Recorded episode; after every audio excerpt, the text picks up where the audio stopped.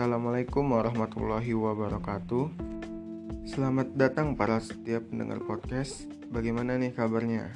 Saya harap kalian semua baik-baik aja ya. Baiklah untuk podcast kali ini yaitu kita akan membahas tentang sebuah konten yang di mana konten tersebut berisi perilaku tak terpuji mereka yaitu berfotoria di lokasi erupsi Semeru. Seakan tak ada empati dalam diri di saat para korban erupsi Semeru menahan pedih dan perih akibat kehilangan sanak saudara juga harta benda. Mereka justru berasik ria berfoto di lokasi erupsi. Menurut pendapat pribadi saya terhadap uh, konten tersebut, saya sangat prihatin rasanya melihat kejadian seperti ini terhadap apa yang telah banyak dilakukan oleh masyarakat sekarang, yang di mana ia menggunakan sosial medianya hanya untuk kepentingannya sendiri, yaitu untuk mendapatkan like ataupun perhatian dari pengguna sosial media lainnya. Menurut saya, itu perbuatan yang tidak benar. Jika kita bayangkan bagaimana rasanya ketika kita sedang mengalami kesusahan ataupun kesulitan, seperti contoh di atas terkena musibah erupsi. Namun ada orang yang membuat konten seperti itu. Pasti rasanya sedih, bukannya dibantu, malah dijadikan konten semata. Baiklah, selanjutnya hubungan antara fenomena demi sebuah konten tersebut dengan identitas nasional, hak dan kewajiban, dan wawasan Nusantara. Baiklah, yang pertama yaitu identitas nasional. Hubungan identitas nasional pada fenomena demi sebuah konten tersebut yaitu tidak terlihatnya yang namanya identitas nasional yang di mana seharusnya ditunjukkan oleh seorang anak muda.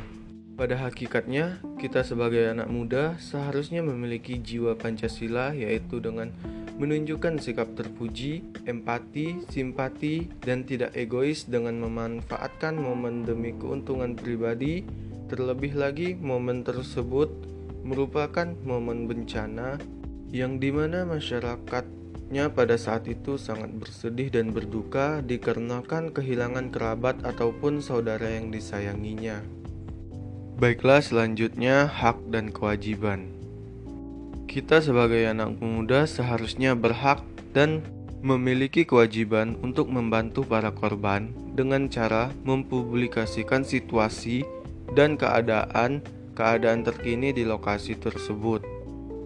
Tetapi perlu diingat juga dengan niatan untuk membantu warga ataupun masyarakat di sekitar agar orang lain dapat mengetahui keadaan ataupun situasi terkini dari tempat keja kejadian bencana tersebut dan dengan seperti itu orang lain pasti akan terpacu untuk memberikan donasi ataupun bantuan lainnya.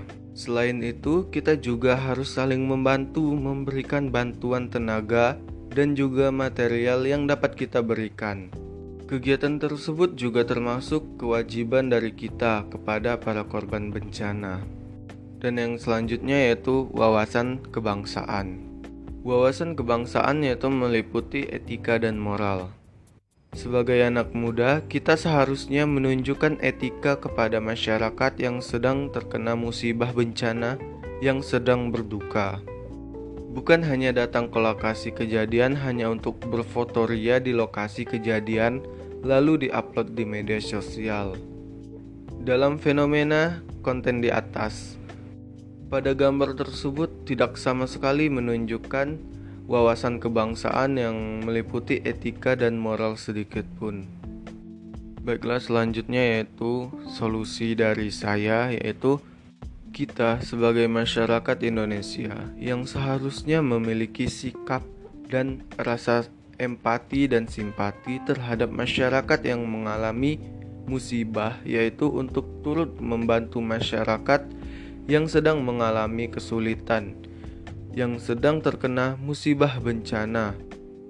Bukan hanya untuk dijadikan konten semata untuk kepentingan pribadi. Dan mungkin cukup sampai di sini podcast pada kali ini. Kalau ada salah kata, saya mohon maaf. Baiklah, saya tutup dengan wabillahi taufik walidayah. Wassalamualaikum warahmatullahi wabarakatuh. you